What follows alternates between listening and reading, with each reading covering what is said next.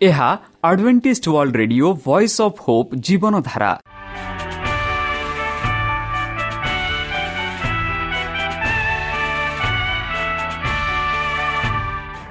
Odia radio କାର୍ଯ୍ୟକ୍ରମ ଯାହା ଆମର ଆନ୍ତର୍ଜାତୀୟ ଆଘାତ କେନ୍ଦ୍ରରୁ ପ୍ରସାରଣ କରାଯାଉଛି ପ୍ରତିଦିନ ରାତି ନଅଟା ତିରିଶ ମିନିଟ୍ରେ।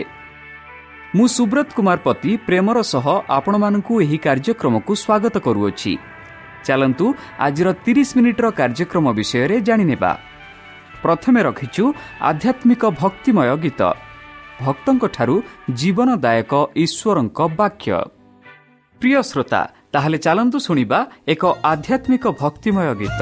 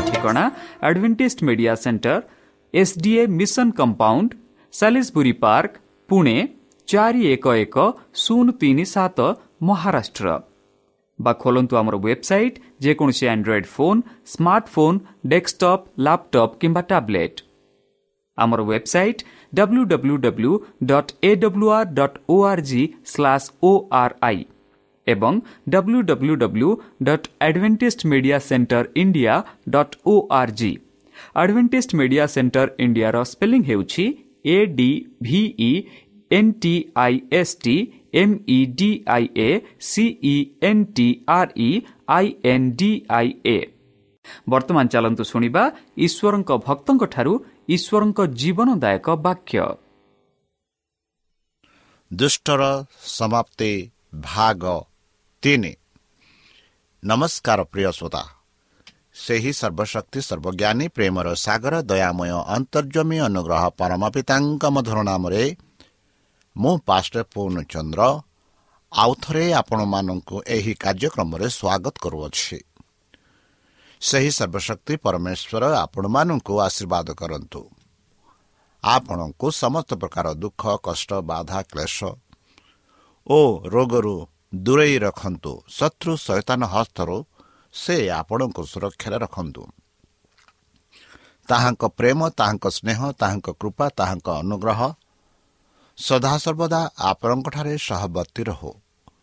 ପ୍ରିୟତା ଚାଲନ୍ତୁ। ଆଜି ଆମ୍ଭେମାନେ କିଛି ସମୟ ପବିତ୍ର ଶାସ୍ତ୍ର ବାଇବଲ ଠାରୁ ତାହାଙ୍କ ଜୀବନଦାୟକ ବାକ୍ୟ ଧ୍ୟାନ କରିବା। ଆଜିର ଆଲୋଚନା ହେଉଛି ଦୁଷ୍ଟର ସମାପ୍ତି ଭାଗ ତିନି। ଭାଗ ଏକ ଭାଗ ଦୁଇ। ଗତକାଲି ଆଉ ତା ପୂର୍ବ ଦିନରେ ଆମେ ଆଲୋଚନା କରିସାରିଛେ। ଚାଲନ୍ତୁ ଏହାର ଶେଷ ଭାଗ ଆଜି ଆମେ ଆଲୋଚନା କରିବା। କିପରି ଦୁଷ୍ଟ ଲୋକଙ୍କ ସମାପ୍ତି ହେବ? ଯେପରିକି ଆମେ ଗତ ସପ୍ତାହ ଦ୍ୱାରା ଧ୍ୟାନ କରୁଛୁ ପାପୀମାନଙ୍କ ବିନଷ୍ଟ ବିଷୟରେ। ପାପୀମାନଙ୍କୁ କିପରି ଧ୍ୱଂସ କରାଯିବ? ପାପୀମାନଙ୍କୁ କିପରି ବିଚାର କରାଯିବ ସେହି ବିଷୟରେ ଆମେ ଆଲୋଚନା କରୁଥିଲୁ। ଚାଲନ୍ତୁ ଆଜି ଆମେ ପାପୀମାନଙ୍କ ସମାପ୍ତିର ଭାଗ ତିନି ଆଲୋଚନା କରିବା। ତାହା ହେଉଛି ଶେଷ ଭାଗ। ଯେପରିକି ସାଧୁପାଲ ଲେଖନ୍ତି ଥେସଲନୀୟ ଏକ ଆଠ ନଅରେ ସେ କହନ୍ତି କାରଣ ତୁମମାନଙ୍କଠାରୁ ପ୍ରଭୁଙ୍କର ବାକ୍ୟ ଯେ କେବଳ ମାନକୀ ମାକିର ଦନିଆ ଓ ଆଖାରିଆର ଘୋଷିତ ହୋଇଅଛି ତାହା ନୁହେଁ ମାତ୍ର ଈଶ୍ୱରଙ୍କ ପ୍ରତି ତୁମ୍ଭମାନଙ୍କ ବିଶ୍ୱାସର ବିଷୟ ସର୍ବତ୍ର ଏପରି ବ୍ୟାପ୍ତ ହୋଇଅଛି ଯେ ସେ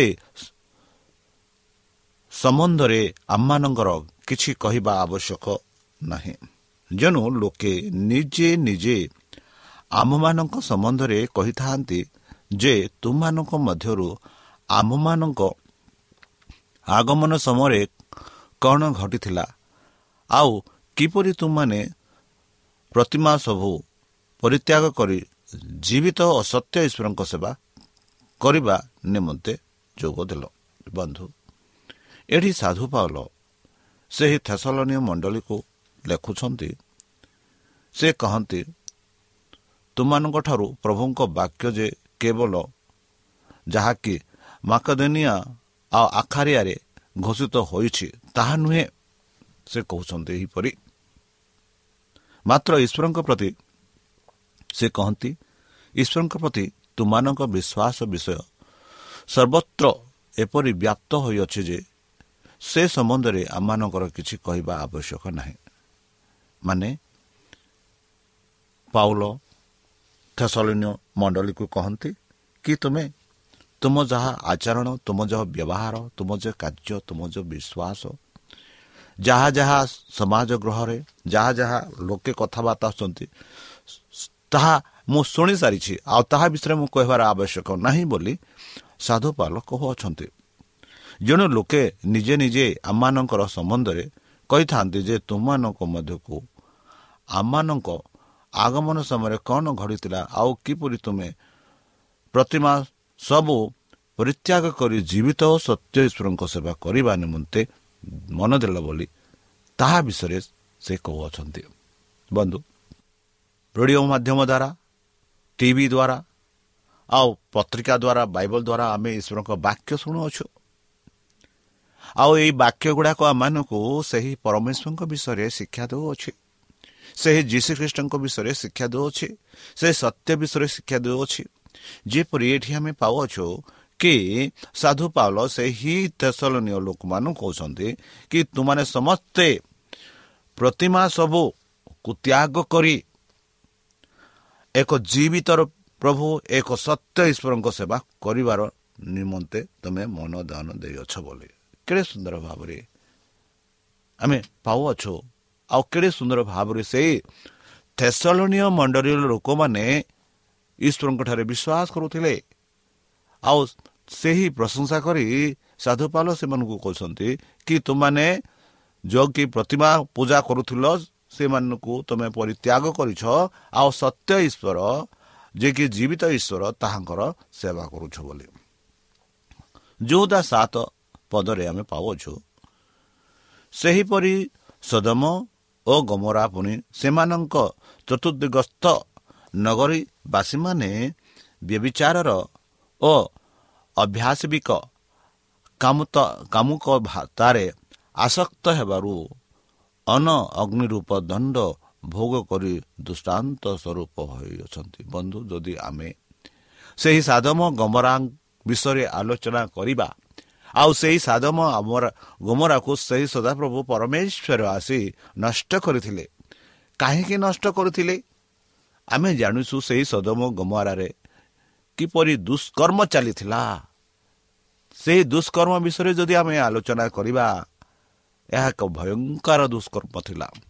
ଲୋକମାନେ ସମସ୍ତେ ପ୍ରଭୁଙ୍କୁ ଭୁଲି ଯାଇଥିଲେ ମନ ଇଚ୍ଛାରେ କାର୍ଯ୍ୟ କରୁଥିଲେ ଭାଟ୍ୟାଚାର ଦୃଷ୍ଟ ଅଥବା ଦୁଷ୍ଟ କାର୍ଯ୍ୟ ଗୁଡ଼ାକ ପରିପୂର୍ଣ୍ଣ ଥିଲା। ଆଉ ସଦାପ୍ରଭୁଙ୍କ ସମ୍ମୁଖରେ ଏକ ଘୃଣନୀୟ ଥିଲା। ଆଉ ସେମାନଙ୍କୁ ବିଚାର କରିବା ସେମାନଙ୍କ ଦଣ୍ଡ ନିମନ୍ତେ ଆମେ ଦେଖୁଅଛୁ ଯାହାକି ପରମେଶ୍ୱର ଆସି ସେହି ସଦମ ଗମରାକୁ ବିନଷ୍ଟ କରିଥିଲେ। ସେହି ସଦମ ଗମରାକୁ ନଷ୍ଟ କରିଥିଲା। ବର୍ତ୍ତମାନ ସେହି ସଦମ ଗମରା ଏକ ଦୃଷ୍ଟାନ୍ତ ସ୍ୱରୂପ ହେଉଅଛି ଆମ ସମ୍ମୁଖରେ। ଆଉ ସେ ସଦମ ଗମରା ଆମମାନଙ୍କୁ ବୁଝାଇବାର ଅଛି। ଆଉ ଆମମାନଙ୍କୁ କହୁଅଛି ଯେ କି ପରମେଶ୍ୱର ଦୁଷ୍ଟ ଲୋକମାନଙ୍କୁ ଦୁଷ୍ଟ କାର୍ଯ୍ୟକୁ ଦୁକର୍ମ କାମକୁ କେବେ ହେଲେ ଭଲ ପାଆନ୍ତି ନାହିଁ। ମାନେ ପାପୀମାନେ ଯେଉଁମାନେ କି ଏହିପରି କାମ କରନ୍ତି ଯେଉଁମାନେ ପରମେଶ୍ୱରଙ୍କୁ ଛାଡ଼ିଛନ୍ତି ଆଉ ଆପଣା ମନ ଇଚ୍ଛାରେ ସେହି ସ୍ଥାନର କାର୍ଯ୍ୟ କରୁଅଛନ୍ତି ସେମାନଙ୍କୁ ପରମେଶ୍ୱର ବିନଷ୍ଟ କରିବେ। ଏହା ହେଉଛି ସତ୍ୟ ବନ୍ଧୁ ସେଥିଯୋଗୁଁ ମାଲାଖି ତା ପୂର୍ବରେ ଚାଲନ୍ତୁ ଗୀତ ଲେଖକ ଲେଖନ୍ତି ଗୀତ ସଂଗୀତା ଏକଶହ ଚାରି ପଚିଶ ତାର ପ୍ରଥମ ଭାଗରେ ଆମେ ପାଉଛୁ ପାପିଗଣ ପୃଥିବୀରୁ ଉଚ୍ଛିନ୍ନ ହେଅନ୍ତୁ ଓ ଦୁଷ୍ଟମାନେ ଆଉ ନଥାନ୍ତୁ ଦେଖନ୍ତୁ ବନ୍ଧୁ ପାପୀମାନଙ୍କୁ ଏ ପୃଥିବୀରୁ ପୁଣି ବାହାର କରିଯାଉ ଆଉ ଦୁଷ୍ଟ ଲୋକ ନ ରହନ୍ତୁ ଏଇ ପୃଥିବୀରେ ଆଉ ଯେବେ ଦୁଷ୍ଟମାନେ ଏଇ ପୃଥିବୀରେ ନଥିବ ଆଉ ଯେବେ ପାପୀମାନେ ବିଚ୍ଛିନ୍ନ ହୋଇଯିବେ ତେବେ ଏଇ ପୃଥିବୀ ଏକ ଧାର୍ମିକ ରୂପେ ଏହି ପୃଥିବୀରେ ଧାର୍ମିକ ଲୋକ ଧାର୍ମିକ ଲୋକ ବାସ କରିବେ। ଆଉ ସେହି ସଦାପ୍ରଭୁ ପରମେଶ୍ୱର ସେମାନଙ୍କ ସହ ବାସ କରିବେ। ଆଉ ସେହି ସମୟରେ ଦୁଷ୍କର୍ମ ଆଉ ରହିବ ନାହିଁ ପାପୀମାନେ ଆଉ ରହିବେ ନାହିଁ ବ୍ୟବିଚାର ରହିବ ନାହିଁ ଚୋର ରହିବ ନାହିଁ କି ଅନ୍ୟ ଦୁଷ୍ଟ କର୍ମ ଗୁଡ଼ାକ ଏଠି ରହିବ ନାହିଁ। ଆଉ ଏଥିଯୋଗୁଁ ଗୀତ ଲେଖକ ସଦାପ୍ରଭୁଙ୍କଠାରେ ପ୍ରାର୍ଥନା କରି କହୁଛନ୍ତି କି ହେ ପରମେଶ୍ୱର ପାପୀଗଣ ପୃଥିବୀର ଉଚ୍ଛିନ୍ନ ହୁଅନ୍ତୁ ଓ ଦୁଷ୍ଟମାନେ ଆଉ ନଥାନ୍ତୁ ଯେହେତୁ ଏହି ଦୁଷ୍ଟ ଲୋକମାନେ ଏହି ପାପୀମାନେ ଏହି ପୃଥିବୀକୁ ପାପମୟରେ ପରିଣତ କରୁଛନ୍ତି। ଆଉ ତୁମ ସେହି ଧାର୍ମିକ ଲୋକମାନଙ୍କୁ ତାଡ଼ନା ଦେଉଛନ୍ତି। ଏଥିଯୋଗୁଁ ଏହି ପାପୀମାନେ ଏହି ଦୁଷ୍ଟମାନେ ନଥାନ୍ତୁ ଯେବେ ସେମାନେ ନଥିବେ ଏହିପରି କର୍ମ କର୍ମ ବା କାର୍ଯ୍ୟ ଚାଲିବ ନାହିଁ ବନ୍ଧୁ ଚାଲନ୍ତୁ ଆମେ ପଢ଼ିବା ଆଗକୁ ମାଲାକି ଚାରି ଏକ ସେଠି ମାଲାକି ଭବିଷ୍ୟତ ଭକ୍ତାମାନଙ୍କୁ କହୁଅଛନ୍ତି କାରଣ ଦେଖ ସେଇଦିନ ଆସୁଅଛି ତାହା ତୁନ୍ଦର ପରି ଜଲୁଅଛି ପୁଣି ଅହଙ୍କାରୀ ଓ ଦୁଷ୍ଟକଚାରୀ ସମସ୍ତେ ନଡ଼ା ପରି ହେବେ। ଆଉ ସେମାନଙ୍କର ମୂଳ କି? ଢାଳ ଯେପରି ଅବବିଷ୍ଟ ନ ରହିବ ଏଥିପାଇଁ ଯେଉଁ ଦିନ ଆସୁଅଛି ତାହା ସେମାନଙ୍କୁ ଦଗ୍ଧ କରିବ ଏହା ସୈନ୍ୟାଧିପତି ସଦାପ୍ରଭୁ କହନ୍ତି। ବନ୍ଧୁ ସଦାପ୍ରଭୁ ପରମେଶ୍ୱର କହୁଛନ୍ତି ଦେଖ ଏକ ଦିନ ଆସିବ ଏହିପରି ଦିନ ଆସିବ ଆଉ ସେ ଦିନରେ ତାହା ତୁନ୍ଦର ପରି ଜଳୁଅଛି ବୋଲି ସେ କହୁଛନ୍ତି। ପୁଣି ଅହଙ୍କାରୀ ଓ ଦୁଷ୍ଟଚାରୀ ସମସ୍ତେ କିପରି ହେବେ? ନଡ଼ା ପରି ହେବେ। ଆମେ ନଡ଼ା ଯେବେ କହୁଅଛୁ ଆମେ ଦେଖୁ ଶୁକ୍ଲା ନଡ଼ା। ଆଉ ଥରେ ଯଦି ସେ ଶୁକ୍ଲା ନଡ଼ାରେ ଯଦି ନିଆଁ ଲାଗିଯିବ ସେ ନଡ଼ାଟା ଧ୍ୱଂସ ହୋଇଯିବ। ସେମାନଙ୍କର ମୂଳ କି? ଢାଲ ଯେପରି ଅବବିଷ୍ଟ ନ ରହିବ। ଏଥିପାଇଁ ଯେଉଁ ଦିନ ଆସୁଅଛି ତାହା ସେମାନଙ୍କୁ ଦଗ୍ଧ କରିବ। ଏହିପରି ପରମେଶ୍ୱର କହୁଛନ୍ତି। ଏହିପରି ପରମେଶ୍ୱର ଆହ୍ୱାନ କରୁଛନ୍ତି। ସତର୍କବାଣୀ ଦେଉଛନ୍ତି ପ୍ରଭୁ। ବନ୍ଧୁ ସେହି ଦୁଷ୍ଟ ଲୋକମାନଙ୍କୁ ସେହି ପାପୀମାନଙ୍କୁ ସେମାନଙ୍କ ବିନାଶ ବିଷୟରେ ସଦାପ୍ରଭୁ ପରମେଶ୍ୱର ମାଲାକି ଭବିଷ୍ୟତ ଭକ୍ତ ଦ୍ୱାରା ଆମମାନଙ୍କୁ କହୁଅଛନ୍ତି ଯେହେତୁ ବର୍ତ୍ତମାନ ସମୟରେ ଯାହା ଆମେ ଆମ ନିଜ ଚକ୍ଷୁରେ ଦେଖୁଅଛୁ ନିଜ କାଣ ଦ୍ୱାରା ଶୁଣୁଅଛୁ। ବନ୍ଧୁ ଆମ ଆଖି ଆଗରେ ଏହିପରି ଦୁଷ୍କର୍ମ ଗୁଡ଼ା ଚାଲିଅଛି। ଏହା ସବୁ ଆମମାନଙ୍କୁ ଦର୍ଶାଉଅଛି କି ସେହି ଦିନ ବହୁ ସହ ନିକଟ ଆଉ ପାପୀମାନେ ବହୁ ଶୀଘ୍ର ବିନଷ୍ଟ ହେବେ। ପାପୀମାନଙ୍କୁ ସମାପ୍ତ କରାଯିବ। ଏହା ହେଉଛି ଈଶ୍ୱରଙ୍କ ବାକ୍ୟ। ବନ୍ଧୁ ଏଭ୍ରି ଦୁଇ ଚଉଦରେ ଆମେ ଦେଖୁ ବନ୍ଧୁ ଏହିପରି କି ଅତ ହେବେ ସନ୍ତାନମାନେ ରକ୍ତ ମାଂସର ସୌଭାଗିତ ହେଉଥିବାରୁ ସେ ମଧ୍ୟ ନିଜେ ସେହିପରି ସେଥିର ସୌଭାଗୀ ହେବ। ହେଲେ ଯେପରି ମୃତ୍ୟୁ ଦ୍ୱାରା ମୃତ୍ୟୁର ଅଧିକାରୀକୁ ଅର୍ଥାତ୍ ଶୟତାନକୁ ବିନାଶ କରନ୍ତି। ବନ୍ଧୁ ଭବିଷ୍ୟତ ଭକ୍ତ ସାଧୁ ପାଉଳ ଲେଖନ୍ତି ଏଠି ଅତବେ ସନ୍ତାନମାନେ ରକ୍ତ ମାଂସର ସହଭାଗୀ ହୋଇଥିବାରୁ ସେ ମଧ୍ୟ ନିଜେ ସେହିପରି ସେଥିର ସହଭାଗୀ ହେଲେ। କିଏ? ଯୀଶୁ ଖ୍ରୀଷ୍ଟ ସେପରି ମୃତ୍ୟୁ ଦ୍ୱାରା ମୃତ୍ୟୁର ଅଧିକାରୀ ଅର୍ଥାତ୍ ଶୟତାନକୁ ବିନାଶ କରନ୍ତି। ବନ୍ଧୁ ଆମେ ଦେଖୁଅଛୁ। ଯଦି ଯୀଶୁଖ୍ରୀଷ୍ଟ ମରଣ ହୋଇ ମୃତ୍ୟୁରୁ ଯଦି ପୁନରୁଦ୍ଧିତ ନ ହୋଇଥାନ୍ତା ତାହେଲେ ଶୈତାନ ଆଜି କହିଥାନ୍ତା କି ଯେଉଁ ପ୍ରଭୁକୁ ତୁମେ ବିଶ୍ୱାସ କରୁଅଛ ଯେଉଁ ପରମେଶ୍ୱରକୁ ତୁମେ ବିଶ୍ୱାସ କରୁଅଛ ଯେଉଁ ଯୀଶୁଖ୍ରୀଷ୍ଟଙ୍କ ବିଷୟରେ ଆଜି ତୁମେ ପ୍ରଚାର କରୁଅଛ ସେଇ ଯୀଶୁଖ୍ରୀଷ୍ଟ ତ ମରଣ ହୋଇଛି ମାଠିରେ ଲୀଣ ହୋଇଛି ତାହା ବି ତୁମେ କାହିଁକି ପ୍ରଚାର କରୁଅଛ? ମାତ୍ର ଆଜି ଆମେ ତାହାଙ୍କ ବିଷୟରେ ପ୍ରଚାର କରୁଅଛୁ ଯେହେତୁ ସେ ଜୀବିତ ଈଶ୍ୱର। ସେ ମରଣକୁ ବିଜୟ ହୋଇଛନ୍ତି ଆଉ ବିଜୟ ହୋଇ ବର୍ତ୍ତମାନ ସେ ସ୍ୱର୍ଗରେ ଅଛନ୍ତି। ଯେହେତୁ ମାନବ ଜାତି ମାନବ ସହ ସେ ରହିଲେ ମାନବର ଜୀବନ ଅନୁଭବ କଲେ ଆଉ ମାନବ ସ୍ୱରୂପରେ ମୃତ୍ୟୁବରଣ କଲେ ଆଉ ମାନବ ସ୍ୱରୂପେ ସେ ପୁନରୁଚିତ ହେଲେ।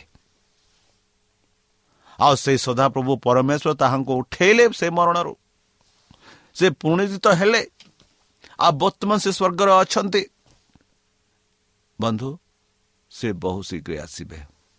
ପାପୀମାନଙ୍କର ଯେଉଁ ଆଚରଣ ଗୁଡ଼ାକ ଚାଲିଅଛି ସେହିସବୁ ନଷ୍ଟ କରିବା ପାଇଁ ବହୁ ଶୀଘ୍ର ଆସୁଅଛନ୍ତି। ଆଉ ସେଥିଯୋଗୁଁ ଏଭ୍ରି ସାଧୁ ପାବିରିରେ ସାଧୁ ପାଲ ଲେଖନ୍ତି ଅତ ଏବେ ସନ୍ତାନମାନେ ରକ୍ତ ମାଂସର ସହଭାଗୀ ହୋଇଥିବାରୁ ସେ ମଧ୍ୟ ନିଜେ ସେହିପରି ସେଥିର ସହଭାଗୀ ହେଲେ ବୋଲି। ଯେପରି ମୃତ୍ୟୁ ଦ୍ୱାରା ମୃତ୍ୟୁର ଅଧିକାରୀକୁ ଅର୍ଥାତ୍ ଶୈତାନକୁ ବିନାଶ କରନ୍ତି। ମୃତ୍ୟୁ ଦ୍ୱାରା ଶୈତାନ କେବେ ହେଲେ ଆଉ କହିପାରିବନି କି? ତୁମେ ମୃତ୍ୟୁ ହେଲେ ପୁନରୁଦ୍ଧିତ ହେବ ନାହିଁ। ଯୋଗୁଁ ତୁମେ ଯୀଶୁଖ୍ରୀଷ୍ଟଙ୍କ ଠାରେ ବିଶ୍ୱାସ କର ନାହିଁ। ଏହିପରି ଶୈତାନ କେବେ ହେଲେ ଜୋର ଦେଇ କହିପାରିବ ନାହିଁ ଯେହେତୁ ପବିତ୍ର ଶାସ୍ତ୍ର ବାଇବଲାମାନଙ୍କୁ କହୁଅଛି ବନ୍ଧୁ କି ଯୀଶୁ ପ୍ରଭୁ ପୁନରୁଦ୍ଧିତ ହୋଇଛନ୍ତି ଆଉ ବର୍ତ୍ତମାନ ସେ ସ୍ୱର୍ଗକୁ ଯାଇଅଛନ୍ତି ଆଉ ସେ ଆସିବେ ଆଉ ତାଙ୍କଠାରେ ଯେତେ କେହି ବିଶ୍ୱାସ କରୁଛନ୍ତି ଯଦିଓ ବା ସେମାନେ ମରଣ ହୁଅନ୍ତି ଯଦି ସେମାନେ ଯୀଶୁଖ୍ରୀଷ୍ଟଙ୍କଠାରେ ବିଶ୍ୱାସ କରିଛନ୍ତି ସେମାନେ ଜି ଉଠିବେ ପୁନରୁଦ୍ଧିତ ହେବେ ଆଉ ସେ ସ୍ୱର୍ଗରାଜକୁ ଯିବେ। ଏହା ହେଉଛି ଈଶ୍ୱରଙ୍କ ବାକ୍ୟ। ବନ୍ଧୁ ଗୀତ ସଂଗୀତା ଶହେତିରିଶ କୋଡ଼ିଏରେ ଗୀତ ଲେଖକ ଲେଖନ୍ତି ଏହିପରି ଏହିପରି ଯେ ମାତ୍ର ଦୁଷ୍ଟମାନେ ବିନଷ୍ଟ ହେବେ। ପୁଣି ସଦାପ୍ରଭୁଙ୍କ ଶତ୍ରୁମାନେ ଚୋରସ୍ଥାନରେ ଶୋଭା ସ୍ୱରୂପ ହେବେ ସେମାନେ ନିଃଶକ୍ତିତ ହେବେ ସେମାନେ ଧୂମରେ ନିଷ୍ପତ୍ତିତ ହୋଇଥିବେ ଦେଖନ୍ତୁ ବନ୍ଧୁ ଯିଏ କେହି ସଦାପ୍ରଭୁ ପରମେଶ୍ୱରଙ୍କଠାରେ ବିଶ୍ୱାସ କରନ୍ତି ଏଠି ଲେଖାଯାଇଅଛି ପୁଣି ସଦାପ୍ରଭୁଙ୍କ ଶତ୍ରୁମାନେ ଚୋରାସ୍ଥାନରେ ଶୋଭା ସ୍ୱରୂପ ହେବେ। ସେମାନେ ନିଷ୍ପତ୍ତିତ ହେବେ ସେମାନେ ଧୂମରେ ନିଷ୍ପଷିତ ହୋଇଯିବେ। ଆଉ ତା ପୂର୍ବରୁ ଆମେ ଦେଖୁଛୁ ଦୁଷ୍ଟମାନେ ବିନଷ୍ଟ ହେବେ। ସେଇ ଯେଉଁ ଦୁଷ୍ଟମାନେ କିଏ? ସଦାପ୍ରଭୁଙ୍କର ଶତ୍ରୁମାନେ। କାହିଁକୁ ଆମେ ସଦାପ୍ରଭୁଙ୍କ ଶତ୍ରୁ ମାନେ ଶତ୍ରୁ କହୁଅଛୁ? ଯେହେତୁ ସେମାନେ ସଦାପ୍ରଭୁଙ୍କୁ ବିଶ୍ୱାସ କଲେ ନାହିଁ। ତାଙ୍କ ବାକ୍ୟକୁ ତାଙ୍କ କଥାକୁ ସେମାନେ ବିଶ୍ୱାସ କଲେ ନାହିଁ। ଏଥିଯୋଗୁଁ ସଦାପ୍ରଭୁ କହନ୍ତି ସେମାନେ ମୋର ଶତ୍ରୁ। ସେମାନେ ବ୍ୟବିଚାର କଲେ। ଭ୍ରଷ୍ଟାଚାର କଲେ ଦୁଷ୍କର୍ମ କଲେ ଆଉ ଏଥିଯୋଗୁଁ ସେମାନଙ୍କୁ ସଦାପ୍ରଭୁ କହନ୍ତି କି ତୁମମାନେ ମୋର ଶତ୍ରୁ ଆଉ ସେ ଶତ୍ରୁମାନଙ୍କୁ ସଦାପ୍ରଭୁ ପରମେଶ୍ୱର ବିନଷ୍ଟ କରିବେ ବନ୍ଧୁ। ହଁ ବନ୍ଧୁ ବିନଷ୍ଟ କରିବେ। ତାହେଲେ ଚାଲନ୍ତୁ ସେହି ସଦାପ୍ରଭୁ ପରମେଶ୍ୱରଙ୍କଠାରେ ଆମେ ବିଶ୍ୱାସ କରିବା। ଯିଏକି ଆମମାନଙ୍କ ପାଇଁ ଜୀବନ ଦାନ ଦେଲେ ଯିଏକି ଆମମାନଙ୍କ ପାଇଁ ପୁନରୁଦ୍ଧିତ ହେଲେ ଯିଏକି ଆମମାନଙ୍କ ପାଇଁ ସ୍ୱର୍ଗରାଜକୁ ଗଲେ ଯିଏକି ଆମମାନଙ୍କୁ ପ୍ରତିଜ୍ଞା କରି କହିଲେ ମୁଁ ସ୍ୱର୍ଗକୁ ଯାଉଅଛି ମୋ ପିତା ଘରକୁ ଯାଉଅଛି ଆଉ ମୋ ପିତା ଘରେ ଅନେକ ବାସସ୍ଥାନ ଅଛି। ଆଉ ଯେବେ ମୁଁ ସେହି ବାସସ୍ଥାନ ପ୍ରସ୍ତୁତ କରିବି ମୁଁ ଆଉ ଥରେ ଆସିବି। ଆଉ ତୁମମାନଙ୍କୁ ସେଠାକୁ ନେବି। ଆଉ ମୁଁ ଯେଉଁଠାରେ ଅଛି ତୁମମାନେ ସେଇଠାରେ ଥିବ। ବନ୍ଧୁ କେଡ଼େ ସୌଭାଗ୍ୟର କଥା ଏଇଟା। ପରମେଶ୍ୱର କହନ୍ତି ପରମେଶ୍ୱର ପ୍ରତିଜ୍ଞା କରି କହନ୍ତି ଆଉ ସେ କହନ୍ତି ଯଦି ଏହା ନଥାନ୍ତା ମୁଁ କହିନଥାନ୍ତି ଯେହେତୁ ପରମେଶ୍ୱର ଯୀଶୁଖ୍ରୀଷ୍ଟ ଏହା ଅନୁଭବ କରିଛନ୍ତି ସେ ଦେଖିଛନ୍ତି ସେ ହିଁ ସବୁ କିଛି କରିଛନ୍ତି। ଆଉ ସେଥିଯୋଗୁଁ ଆମମାନଙ୍କୁ ସ୍ପଷ୍ଟ ରୂପରେ ଯୀଶୁଖ୍ରୀଷ୍ଟ କହୁଛନ୍ତି କି ମୁଁ ଯେଉଁଠାରେ ଥିବି ତୁମାନେ ସେଇଠାରେ ଥିବ। ଆଉ ସେଥିଯୋଗୁଁ ଆମେ ଏଠି ପାଉଅଛୁ ଗୀତ ଲେଖକ କହନ୍ତି କି ଦୁଷ୍ଟମାନେ ବିନଷ୍ଟ ହେବେ। ଦୁଷ୍ଟମାନେ ବିନଷ୍ଟ ହେବେ। ଚାଲନ୍ତୁ ସେହି ଗୀତ ସଂହିତା ସଇଁତିରିଶ ନ ଦେଖିବା। ସଇଁତିରିଶ ନରେ ଆମେ ପାଉଅଛୁ।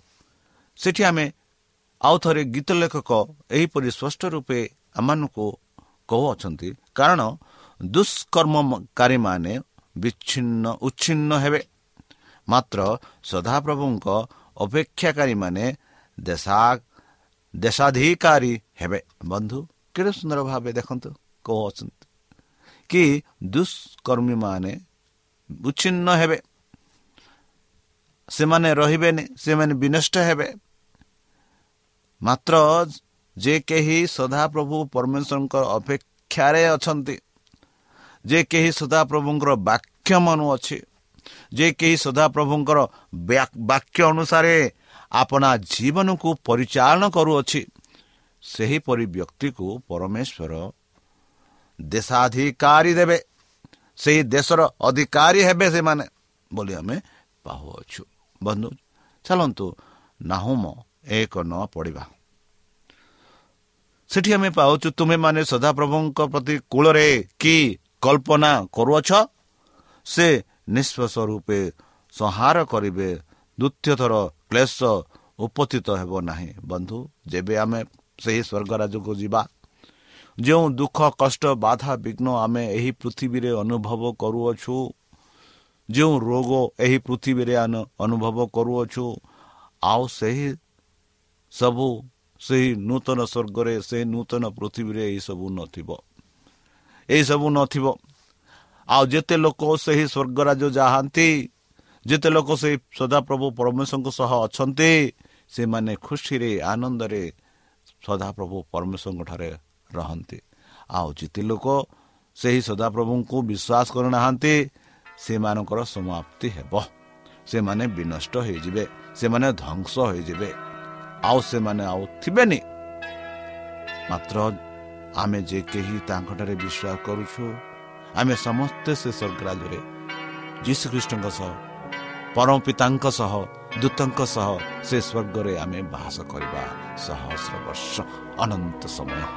ତାହେଲେ ଏହି ଶୁଭବାର୍ତ୍ତା ଯାହା ଆମେ ପବିତ୍ର ଶାସ୍ତ୍ର ଦ୍ୱାରା ଆମେ ଦେଖୁଅଛୁ ଚାଲନ୍ତୁ ଏହି ଶୁଭ ବାର୍ତ୍ତା ଶୁଭ ଶୁଭବାର୍ତ୍ତା ଆମେ ଗ୍ରହଣ କରି ନିଜ ଜୀବନକୁ ପରିବର୍ତ୍ତନ କରି ତାଙ୍କ ହସ୍ତରେ ସମର୍ପଣ କରି ଏକ ଛୋଟ ପ୍ରାର୍ଥନା ଅର୍ପଣ କରିବା। ହେ ଆମ୍ଭମାନଙ୍କ ସର୍ବଶକ୍ତି ସର୍ବଜ୍ଞାନୀ ପ୍ରେମର ସାଗର ଦୟାମୟ ଅନ୍ତର୍ଜମୀ ଅନୁଗ୍ରହ ପରମ ପିତା।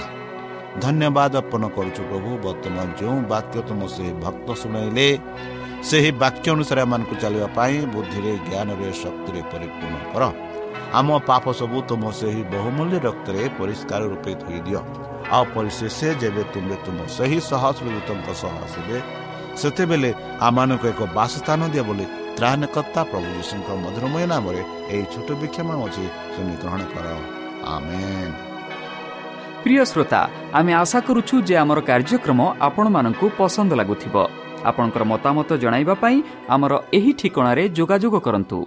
ଆମ ଠିକଣା Adventist media centre SDA mission compound Salisbury park Pune ଚାରି ଏକ ଏକ ଶୂନ ତିନି ସାତ ମହାରାଷ୍ଟ୍ର।